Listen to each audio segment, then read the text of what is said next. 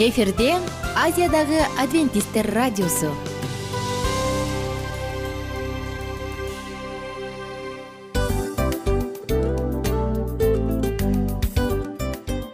Достор салют. Баардык сүйүктүү угармандарыбызга салам айтабыз. Кутман күнүңүздөр менен. Ден соолук өмүрдүн булагы демекчи саламат саамы программасында баарыңыздарды көргөнүбүзгө абдан кубанычтабыз. Анда алгач амандашып өтөлү арбаңыздар деп. Ден соолугуңуздар кандай элибизде көбүнчө ден соолук кандай дегенде эле жакшы деп жооп беребиз э? ооруп турсак дагы жакшы дейбиз. Анан мен муну айтып ойлойт элем бул абдан сонун сөз депчи анткени бул жакшы деген үмүт да э ооба баары жакшы болот баары сонун. Деп үмүттөнүп атып эле өзүбүздү өзүбүз дарылап коебуз.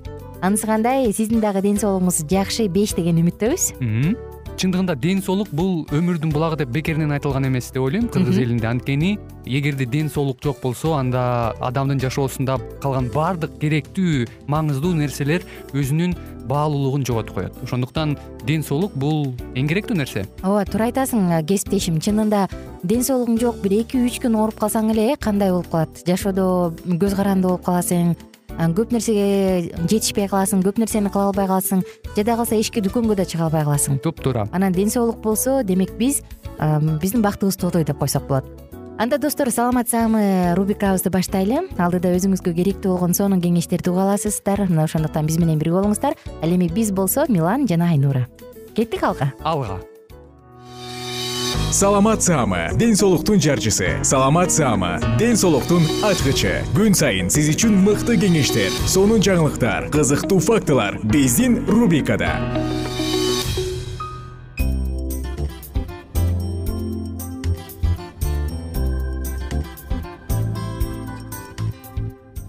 Кутман күнүңүздөр менен замандаштар баардык сүйүктүү угармандарыбызга ысык салам жана салам айтуу менен бирге сиздерди саламат саама рубрикасына кош келиңиздер деп чакырам. Достор бүгүнкү уктурууда дарыгерлер менен болгон маекте сонун маалыматтар айтылат. Жана мен ишенем бул маалыматтар сиздин жашооңузда чоң жардам тийгизет деп. Жагымдуу мүнөттөр бирге болсун биздин жыштыктан алыстабаңыздар радионун үнүн өктөмүрөөк чыгарып керек болсо кагаз калем сап алып керек болсо өзүңүздүн уюлдук телефондон диктофондун күйгүзүп алып жаздырып алганга дагы аракет кылыңыз анткени. Чындыгында бул сонун белек маалыматтар кымбат маалыматтар сиздер үчүн. Жагымдуу мүнөттөрдү бирге өткөрөлү. Азыр жыйырма биринчи жылдан жыйырма үчүнчү жылга чейин бизди каржылоо боюнча контрактка кол койдук. Жакында жыйырма алты миллион сомго анын он төрт миллиону туберкулезный службага берилет он бир бирдемеси бизге эме спид службага берилет да. Анан бирок э, мамлекет каржылоо көбөйүп мамлекет кызыктар болуп атат уже. Анан үч жылдан кийин мамлекет глобальный фонд кетсе биз толук өзүбүздү камсыз кыла алабыз деп ойлойбуз да. Анан биздин негизги эле азыркы күндө негизги максатыбыз вич инфекциясын алып жүргөндөрдү эрте аныктоо аларды эрте дарылоо. Анан кийин вирус нагрузкасы азаят да алардын эми жана эки миң он бешинчи жылы оондун генеральный ассамблея оондун кезектеги кеңешмесинде чечим кабыл алынганда баардык дүйнө жүзүнө коомчулуктун алдына бизге максат коюшкан. Эки миң отузунчу жылга бир дагы спидтин жаңы учуру катталбасын. Вич спидтин туберкулездун маляриянын анан гепатиттердин жаңы учуру катталбасын деген бүт дүйнө коомчулуктун астына максат коюшкан. Ошол максатка жетиш үчүн юнейтс токсон токсон токсон деген стратегия кабыл алынган. Жыйырма биринчи жылга биз токсон процент вич инфекциясын алып жүргөндөрдү табышыбыз керек. Токсон процент лечение менен камсыз кылышыбыз керек. Анан токсон процентинде неопределяемый вирустун нагрузкасы аз санда болуш керек да. Биз эми бүгүнкү күндө кыргызстанда программа прогнозирования спектрум деген бар. Ошо алдын ала баягы маалымдоо программасынын негизинде бизде кыргызстанда бүгүнкү күндө он миңге жакын вич инфекциясын алып жүргөн тилүү кишилер жашайт. Биз ошонун жетимиш гана процентин таптык азыр дагы үч миңдей кишини табышыбыз керек да ошон үчүн. сиздер ушул адамдарды табууда кимдер жардам берет? Бизге бейөкмөт уюмдар көбүнчө жардам берет эл аралык уюмдар жардам берет. Эми азыр баягы спид бир гана саламаттык сактоо министрлигинин жумушу эмес да бул көп секторлуу мамиле керек. Баардык министерстволор айыл өкмөттөн баштап президентке чейин бизге жардам берип көмөктөшүш керек да буларына ошон үчүн жанагы жаңы ыкмалардын баарын киргизип атпайбызбы экспресс тест по слюне деп киргиздик экспресс тест по капиллярной крови деп киргиздик. Жанагы метадонный программалар иштеп атат шприцтерди алмаштыруучу пункттар иштеп атат. Анан быйылкы жылы өзүн өзү тестирлөө ыкмасын киргизебиз деп. Былтыр пландаштырганбыз бирок коронавируска байланыштуу биз э, элдин арасында кеңири түшүндүрүү э, программасын жүргүзмөкпүз жылдын башында анан аптекаларда саттыра баштабакпыз да. Бирок коронавируска байланыштуу биз алып кампанияны өткөрө албай калдык түшүндүрүү кампаниясын бирок аны бейөкмөт уюмдардын арасында жана эркек менен эркек жыныстык катнашка барган бейөкмөт уюмдун базасына киргизгенбиз. Бүгүнкү күнгө чейин бир миң эки жүз киши текшерилип отузга жакын оң белгиси аныкталды да анан бирок азыр могу кампаниянын убагында сентябрдан бери эле базарларда чоң торговый точкаларда экспресс тестирование жүргүзүп атабыз. Оң белги тапкандар аныкталып атат. Анан месячниктин убагында бир айлыктын убагында дагы биз текшерүү изилдөө текшерүү жүргүздүк жана самотестирование экспресс тест менен бүгүнкү күндө тогуздай кишини аныктадык. Бир айдын ичинде. эки аял жети эркек болду анын ичинен үчөө өзүнүн статусун билишкен дагы текшерилип көрөйүн деп кайра текшерилди да анан. Бүгүнкү күндө бул ишти дагы кеңири жүргүзүп атабыз. Баардыгы кызыктар болуп атат самотестированияга үйлөрүнө алып барып эле жанагы текшерилсе болот да. Жана тест на беременность деп аптекаларда сатып кыз келиндер барып сатып алып эле барып текшерип атышпайбы анан ошол сыяктуу эле эмдиги жылы май май май июнь айларынан баштап аптекага саттырганга аракет кылабыз. Ошондо бизде сиздерде дейинчи тагыраагы көзөмөлдөө учетто турган адамдар бекер эле дары дармектерин барып алып иче алышат э? Келип аткан суроолор бар бизде. Анда карай кетели мындай дейт. Вич менен спидтин айырмасы кандай болот дейт? Биз бул суроого жооп алдык жогоруда базарга чыгарган мобилдик экспресс тесттин жыйынтыгы абдан өкүнүчтүү. Ал сандарды көрүп абдан таң калдым ошондо орто азияда биз лидер экенбиз да вич спид боюнча деп кийинки биздин досубуздан келген суроо. Эми кыргызстан вич инфекциясы эң кеч дүйнө жүзү боюнча эң кеч аныкталган вич инфекциясы аныкталган мамлекет болуп саналабыз. Токсон алтынчы жылдан баштап биздин кыргыздардын атуулунан чыга баштады буга чейин жанагы назаралиевдин клиникасына келген ар кайсы жактан келген лечение алганы келген наркомандардын арасынан жана взлетный училищеда окуп аткан баягы кантта билесиздер взлетный училище бар ошол ошол жерде окуп аткан студенттердин арасында катталып келген а биздин атуулардын арасынан токсон алтынчы жылы кыргызстан эң кеч вич инфекциясы аныктаган мамлекет болуп саналат эми азыр айта албайм эми кыргызстан биринчилерден туруп атабыз деп бирок вич инфекциясы өсүп атат спидти кыскартуу үчүн минздравдын күчү аз мамлекетте кандай реформа керек ал үчүн дейт? Кийинки биздин көрөрманыбыздан келген суроо спидти айтып атпаймынбы ошо спидти менен күрөшүү үчүн бир гана саламаттык сактоо министрлигинин алы келбейт. Бул жерде көп секторлуу мамиле керек. Мисалы айыл өкмөттөн баштап эле сельский комитет здоровья дегендер бар э үй бүлөлүк дарыгерлер топтор бар ошолордун аркасы менен эле түшүндүрүү иштерин көп жүргүзө бериш керек. Анан координационный комитеттер бар ар бир областта. Ошолордун мүчөлөрүнүн баары ар бир тармактында иштегендер мисалы саламаттык сактоо билим берүү маданият жаштар уюму молдолор кирет ошо вич инфекциясын алып жүргөн жарандар да кирет. Ошолор дагы иштерди күчөтүш керек да жандандырыш керек. Эми жандандырып колубуздан келген иштерди кылып атабыз да. Анан бирок ар бир кишинин өзүнүн жоопкерчилигине жараша болот да билип туруп деле жанагы туш келе жыныстык катнашка барып аткандар ошолорду көбөйтүп атат да. Анан эми ар бир кишинин артынан жүрө албайсың дегендей бирок зато ар бир киши укса билсе анан кийин өзүнө жоопкерчиликтүү мамиле кылат болуш керек деп ойлойм достор биз кызыктуу мүнөттөрүбүздүн соңку мүнөттөрүндөбүз соңку учурларындабыз соңку гана көз ирмемдер калды. Угармандарыбыздын ар бирине кааларым бекем ден соолук ден соолук бул сиздин ааламыңыз эгер бут кийимиң тар болсо дейт бут кийимиң анда дүйнөнүн кенендигинен кандай пайда дейт? Анысы кандай? Дүйнөдө канча байлык болбосун канча сонун нерселер болбосун бирок ден соолук болбосо андан бир тыйынча да пайда жок. Ошондуктан сиздин кооздугуңуз сиздин кооз ааламыңыз бул ден соолуктан башталат. Аны сактаңыз баалаңыз. Кийинки уктуруулардан кайрадан амандашканча деп коштошом бар болуңуздар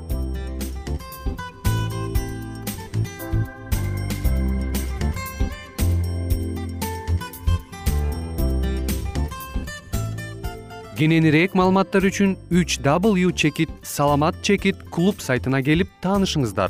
Жана андан тышкары социалдык тармактарда youtube facebook жана instagram баракчаларына катталыңыз. Саламат саама ден соолуктун жарчысы. Саламат саама ден соолуктун ачкычы. Күн сайын сиз үчүн мыкты кеңештер сонун жаңылыктар кызыктуу фактылар. Биздин рубрикада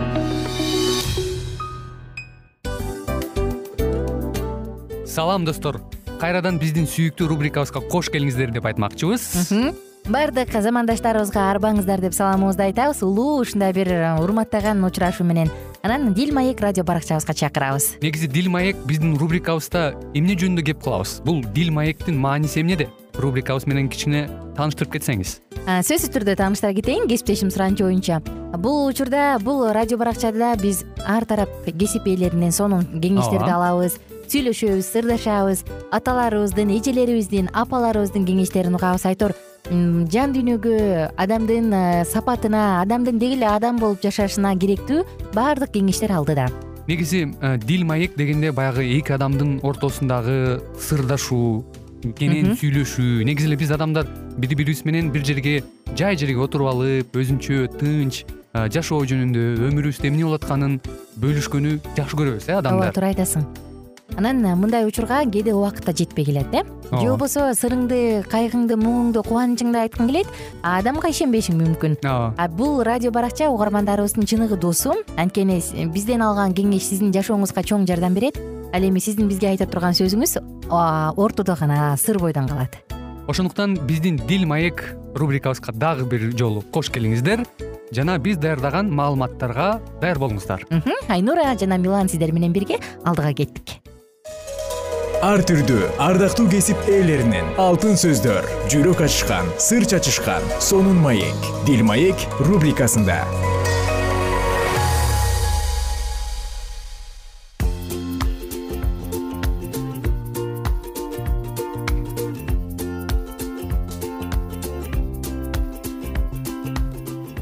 саламатсыздарбы достор? Баардык угармандарыбызга ысык салам айтып сиздер менен бирге жагымдуу саатыбызды баштадык. Дил маек радио баракчасы жана сиздер менен бирге руханий мурас жашия китебинин негизинде темабызды улантып атабыз биз менен бирге болуңуздар. Мурунку уктуруубузда биз нундун уулу жашия эки адамды чалгынчы кылып ерихонго жөнөткөнүн бирок аларды бузук аял рахап аттуу союк аял жашырып койгондугун айтканбыз. Э бүгүн темабызды уланталык. Ошондо ерихондун падышасына бүгүн түнү бул жакка жерибизди чалгындаш үчүн ысрайылдыктар келишиптир деген кабар жетти. Ерихон падышасы өз кишилерин рахапка жиберип үйүңө келген кишилерди сыртка чыгарып бер алар жерибизди байкап чалгындоо үчүн келишиптир деп айттырды бирок аял ал экөөнү тең жашырып койгон болчу. Ооба мага чоо үчүн бирөөлөр келишкен бирок алардын кайдан келгенин билген эмесмин деп жооп берди аял алар күүгүмдө шаар дарбазалары жабылар убакта кетип калышкан. Кай тарапка кетишкенин билбейм. Тезирээк алардын артынан сая түшсөңөр кубалап жетесиңер. Өзү болсо аларды тамдын үстүнө ээрчитип чыгып ошол жердеги жайылган зыгыр боолорунун астынан жашырып койгон эле. Куугунчулар иорданга барчу жол менен алардын артынан кечүүгө чейин кубалап барышты. Алар чыгып кетери менен шаар дарбазалары жабылды чалгынчылар жата электе аял үйдүн үстүнө барып аларга мындай деди. Бул жерди жараткан эге силерге бергенин билемин. Бүт элибиз силерден коркуп ындыны өчтү. Себеби мисирден чыкканыңарда жараткан эге алдыңарда кызыл деңиздин суусун кургатканын иордандын аркы тарабындагы өзүңөр садага чаап салган амурлордун эки падышасы сихон менен огду силер эмне кылганыңарды укканбыз бул жөнүндө укканыбызда силерден корккондуктан жүрөгүбүз мокуп баарыбыздын ынданыбыз өчтү. Себеби силердин кудайыңар жараткан эге жогорку көктүн да төмөнкү жердин да кудайы экен. Эми болсо суранамын мен силерге ырайым кылгандай силер да атамдын үй ичине ырайым кылабыз деп кудайды оозанып ант бергиле менин ата энем агайыным эже сиңдилеримдин баарын үй бүлөлөрү менен өмүрүн сактап тирүү калтырабыз деп мага кепилдик бергиле. Тигилер ага сөзүбүздө турбасак силердин ордуңарга биздин жаныбыз кыйылсын дешти. Эгерде биз жөнүндө айтып чыккынчылык кылбасаң жараткан эгебиз бул жерди бизге бергенде сөзүбүздө туруп сага ырайым кылабыз анын үйү шаар дубалында жайгашкандыктан аял аларга терезе аркылуу аркан менен төмөн түшкөнгө жардам берди. Рахап аларга куугунчулар силерди таап албаш үчүн тоону көздөй кеткиле куугунчулар кайтып келгенче ошол жерде үч күн жашына тургула. Андан соң өз жолуңар менен кетип калгыла деди. Тигилер болсо ага мындай дешти. Эгерде мындай кылбасаң анда сага берген антыбыздан эркин болобуз. Бул жерге келгенибизде бизди төмөн түшүрүп жаткан терезеңе ушул кызыл арканды байлап кой. Ата энеңди бир туугандарыңды атаңдын бүт үй ичин үйүңө чогулт. Эгерде кимдир бирөө үйүңдөн сыртка чыкса анын каны өз мойнунда болот. Ал үчүн биз күнөөлүү болбойбуз. Бирок эгер үйүңдүн ичиндегилердин кимисине болбосун биздин кишилер кол көтөрүп өлтүрсө анын төгүлгөн канына биз айыптуу болобуз эгерде биз жөнүндө кимдир бирөөгө ооз ачсаң анда да сага берген антыбыздан эркин болобуз. Жарайт силер айткандай болсун деп аял аларды жөнөтүп жиберди. Алар кетери менен кызыл арканды терезеге байлап койду. Жалгынчылардын конушка кайтып келиши. Жалгынчылар тоолорду көздөй жөнөп кетишти. Куугунчулар жолдун баш аягын тинтип таппай кайтып келгенге чейин ошол жерде үч күн жатышты ошондон кийин гана тиги эки киши келген жолуна кайра кайтты. Алар тоодон түшүп иордандын кечүүсүнөн өтүштү да нундун уулу жашияга келип болгон иштин баарын айтып беришти. Алар жашияга жараткан эгебиз ал жердин баарын биздин колубузга бергени чын экен. Ал жердин бүт жашоочулары бизден катуу коркуп эси чыгып жатыптыр деп айтышты. Жашия эртеси таң сүрүп келатканда турду. Аны менен бүт ысрайылдыктар шиттим шаарынан чыгышып иорданга келишти. Аркы жээкке өтөөр алдында алар ошол жерге конуш курушту үч күндөн кийин башкаруучулар конушту аралап элге мындай деп буйрук беришти. Леби уруусундагы дин кызматчылардын кудай эгеңердин келишим сандыгын көтөрүп баратканын көргөнүңөрдө силер да ордуңардан козголуп алардын артынан жөнөгүлө. Ошондо кайсы тарапты көздөй басуу керектигин билип аласыңар. Анткени бул жол менен мурун кийин өткөн эмессиңер бирок силер менен келишим сандыгынын ортосундагы аралык миң кадам болсун. Ага жакындабагыла жашия элге кайрылып мындай деп эскертти. Тазаланып ыйыкталгыла анткени эртең жараткан эгеңер араңарда кереметтерди көрсөтөт. Дин кызматчыларга болсо жашия келишим сандыгын көтөрүп элдин алдында жүргүлө деди алар келишим сандыгын көтөрүп алып элдин алдына өтүштү. Жараткан эки жашияга мындай деп айтты мусаны кандай колдоп келген болсом сени да так ошондой колдоп жатканымды эл түшүнүшү үчүн ушул күндөн баштап ысрайыл элинин алдында сенин зоболоңду көтөрө баштаймын. Сен болсо келишим сандыгын көтөргөн дин кызматчыларга иордандын жээгине жеткенден кийин сууга кирип токтоп тургула деп буйрук кыл. Жашия ысрайылдыктарга бери жакын келип кудайыңар жараткан эгенин сөзүн уккула деди жашия мындай деп сөзүн улады тирүү кудайдын силердин араңарда экенин. Ал канаандыктарды хеттиктерди хибилерди периздиктерди киргештерди аморлуктарды жебустарды силердин көз алдыңарда сөзсүз кубалап чыга турганын мында билесиңер. Мына бүт жер жүзүнүн эгедеринин келишим сандыгы силердин алдыңарда иордан дарыясынан өтөт. Азыр болсо ысрайыл уулдарынан он эки кишини ар бир уруудан бирден кишини тандагыла бүт жер жүзүнүн ээси болгон жараткан эгенин келишим сандыгын көтөргөн дин кызматчылардын таманы иордан суусуна тиери менен дарыянын агымы токтоп жогору жактан аккан суу бөгөлүп дубалдай болуп тирелип акпай калат достор кийинки уктуруудан амандашабыз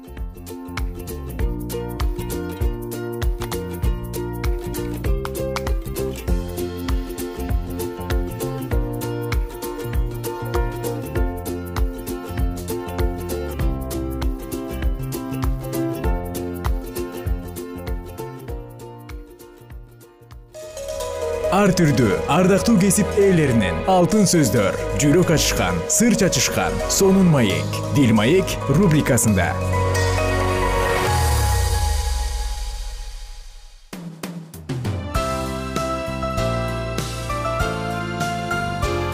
Эфирде азиядагы адвентисттер радиосу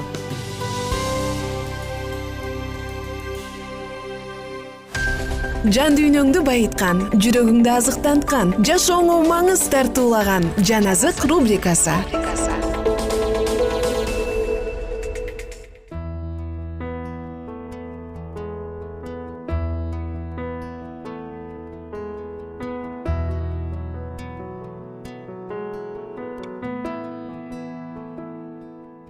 салют достор сүйүктүү угармандарыбыз баарыңыздарга ысык салам айтып биз кайрадан жагымдуу саатыбызды баштадык. Бул жаназык радио баракчасы.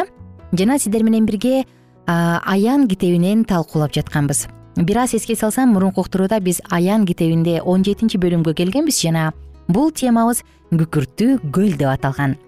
Күкүрттүү көл албетте бул тозок. Бул тууралуу көптөгөн талаш тартыштар ар кандай ойлор бар адамдын жүрөгүн түшүргөн жана кубанткан нерселер бар э айтор толтура анан мурунку уктурууларыбызда биз тозок качан пайда болгон ал ким үчүн даярдалган тозок деген эмне ал дайыма күйүп турабы деген маанилүү суроолорго биз жооп бергенге аракет кылабыз. Бүгүнкү жолугушуубузду андан ары уланталы. Сүйүүгө толгон кудай аларга куткарылуу сунуштаган адамдарга. Дайыма аларды кечирип ырайымга көрсөтүүгө даяр болчу. Алар ыйыктык адилеттүүлүк бар жерде өлүшөт. Бул алар кабыл албай койгон чөйрө. Мени туура эмес түшүнүп калбагыла. Тозокто азап чегүү оору бар. Эң эле чоң оору бул физикалык оору эмес. Эң эле зор оору бул агония. Тагыраак айтканда мен да асманда боло алмакмын деп ойлонуу жана өкүнүү. Мен да ошол шаардын ичинде болмокмун кубанмакмын. Ыйса менен түбөлүк жашай алмакмын. Түбөлүк кубаныч меники болмок. Эми баары жоголду деген ой. Шайтан биротоло жок кылынат. Ышая кырк жетинчи бап он төртүнчү аятта шайтан биротоло жок кылынат деп жазылган. Мына алар самандай. Аларды от күйгүзүп кетти. Алар өздөрүнүн жалын жанында жалындан куткара алышкан жок. Жылынууга чок да калган жок. Кактанып отурууга от да калган жок. Шайтан жок болот. Жаман периштелер да жок болушат. Күнөө жоголот. Күнөө мындан кийин болбойт. Бул үчүн кудайга даңк. Анда дене жана жан жөнүндөгү түшүнүкчү? Эмне? Дене топуракка а жан болсо тозокко барбайбы? Келгиле бул суроону ыйсага берели. Ал бизге эмнени айтса ошого ишене алабызбы? Матай жазган жакшы кабарды карайлы онунчу бап жыйырма сегизинчи аят. Денени өлтүрүп бирок жанды өлтүрө албагандардан коркпогула жанды да денени да оттуу көлдө өлтүрө ала тургандан корккула ыйсанын сөзү боюнча адамдын кайсы бөлүгү тозокко барат? Денеби же жанбы? Тигил дагы бул дагы. Тозокто эмне өлөт тигил дагы бул дагы. Библиядагы өчпөс от деген сөз айкашычы. Марк жазган жакшы кабар тогузунчу бап кырк үч кырк төртүнчү аяттарды карасак. Эгерде колуң сени күнөөгө түртсө аны кесе чап. Эки колуң менен оттуу көлгө өчпөгөн отко түшкөнүңдөн көрө. Мунжу болуп өмүргө ээ болгонуң жакшы. Ал жерде алардын курту өлбөйт от да өчпөйт. Көптөгөн адамдар ушул текстти айтып карасаңар бул жерде түбөлүк от жөнүндө айтып жатат ал өчпөйт жана алардын курту да өлбөйт деп жазылып турат деп айтышат. Көңүл бурсаңыздар бул жерде алардын өлбөс жаны өлбөйт деп жазылган жок. Бул жердеги жазууга ылайык бир гана курттар менен от адамдар эмес.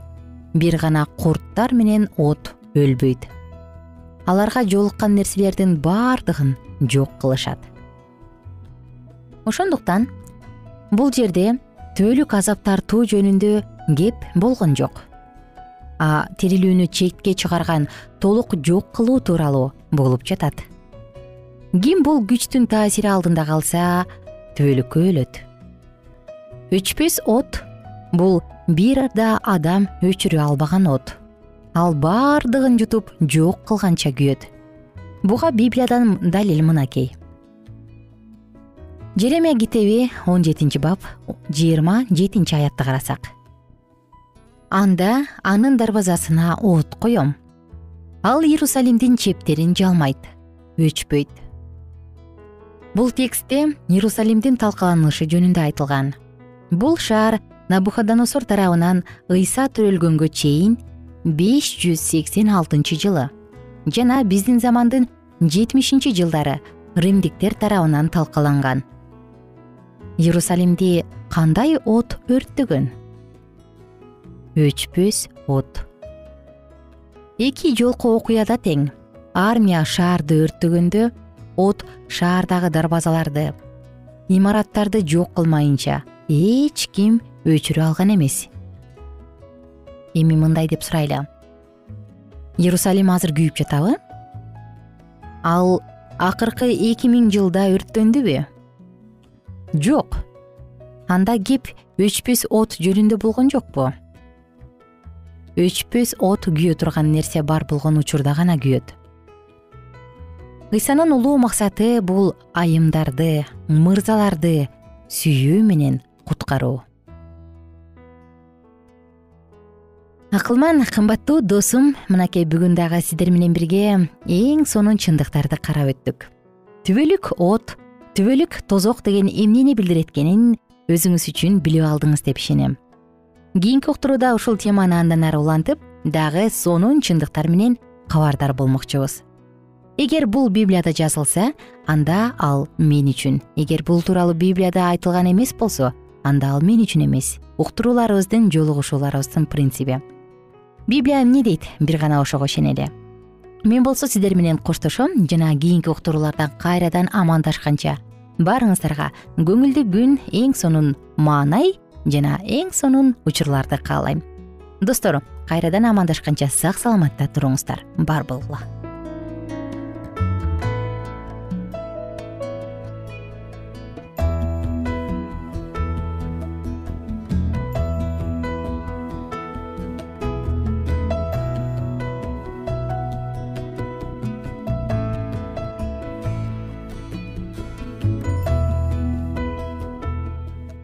эгер сиздерде суроолор болсо же көбүрөөк маалымат билем десеңиз анда биздин whatsapp номерибизге жазыңыз. Плюс бир үч жүз бир жети жүз алтымыш алтымыш жетимиш. Кайрадан плюс бир үч жүз бир жети жүз алтымыш алтымыш жетимиш